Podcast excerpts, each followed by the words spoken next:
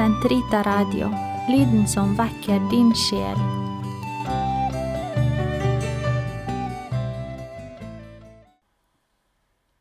Den katolske kirkes katekisme, uke 34, onsdag 6.13-6.23. Kristi død er det ene og endelige offer. Kristi død er på en og samme tid påskeofferet som virker til menneskenes endelige gjenløsning av ham som er lammet som tar bort verdens synd, Johannes 1, 19, og det nye pakts offer som gjenoppretter samfunnet mellom Gud og mennesker, ved at Gud forsones ved paktsblodet som utgytes for de mange til forlatelse for deres synder.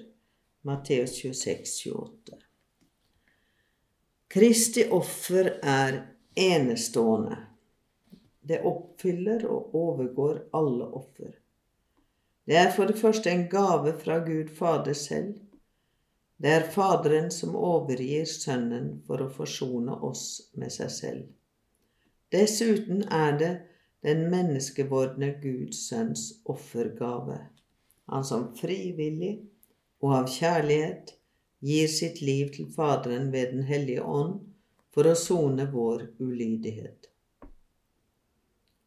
I stedet for vår ulydighet setter Jesus sin lydighet. Som de mange er blitt syndere fordi en enkelt mann var ulydig, slik skal også de mange bli rettferdige gjennom en enkelt manns lydighet. Romerne 5,19. Ved sin lydighet til døden var Jesus stedfortredende som den lidende tjener, han som ga sitt liv til soning, for han har båret de manges synd og skal gjøre de mange rettferdige for han har båret deres synder. Jesaja 53, 10-12. Jesus har gjenopprettet det vi hadde feilet i, og utsonet våre synder mot Faderen. Jesus fullbyrde sitt offer på korset.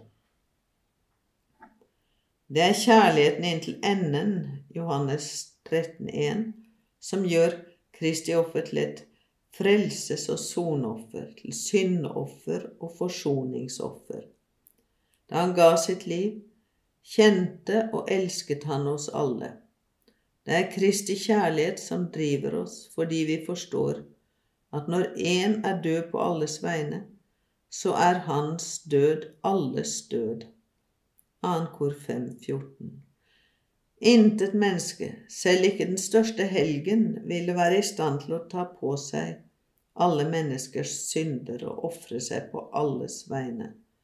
På grunn av Sønnens guddommelige person i Kristus, som rager over alle mennesker, og samtidig innbefatter dem og gjør Kristus til hode for hele menneskeheten, kan Kristi offer gi frelse til alle. Ved sin hellige lidelse på korsets tre fortjente han vår rettferdiggjørelse, lærer Tridentinerkonsilet, og understreker dermed det enestående i Kristi offer som opphav til evig frelse, Hebreerne 5,9. Og Kirken ærer korset og synger, Hill deg, kors, du vårt eneste håp vår deltakelse i Kristi offer. Korset er Kristi ene offer, han som er den eneste mellommann mellom Gud og mennesker. 1. Tim 2,5. Men fordi han i sin guddommelige, inkarnerte person på sett og vis forenet seg med hvert menneske, gir Den hellige ånd alle mulighet til å ta del i dette påskes mysterium på en måte som Gud vet om. Han oppfordrer sine disipler til å ta opp sitt kors og følge ham. Matteus 16, 24. For Kristus led for dere og etterlot dere dermed et eksempel så dere kunne følge i hans fotspor. 1. Peters brev 2, 21.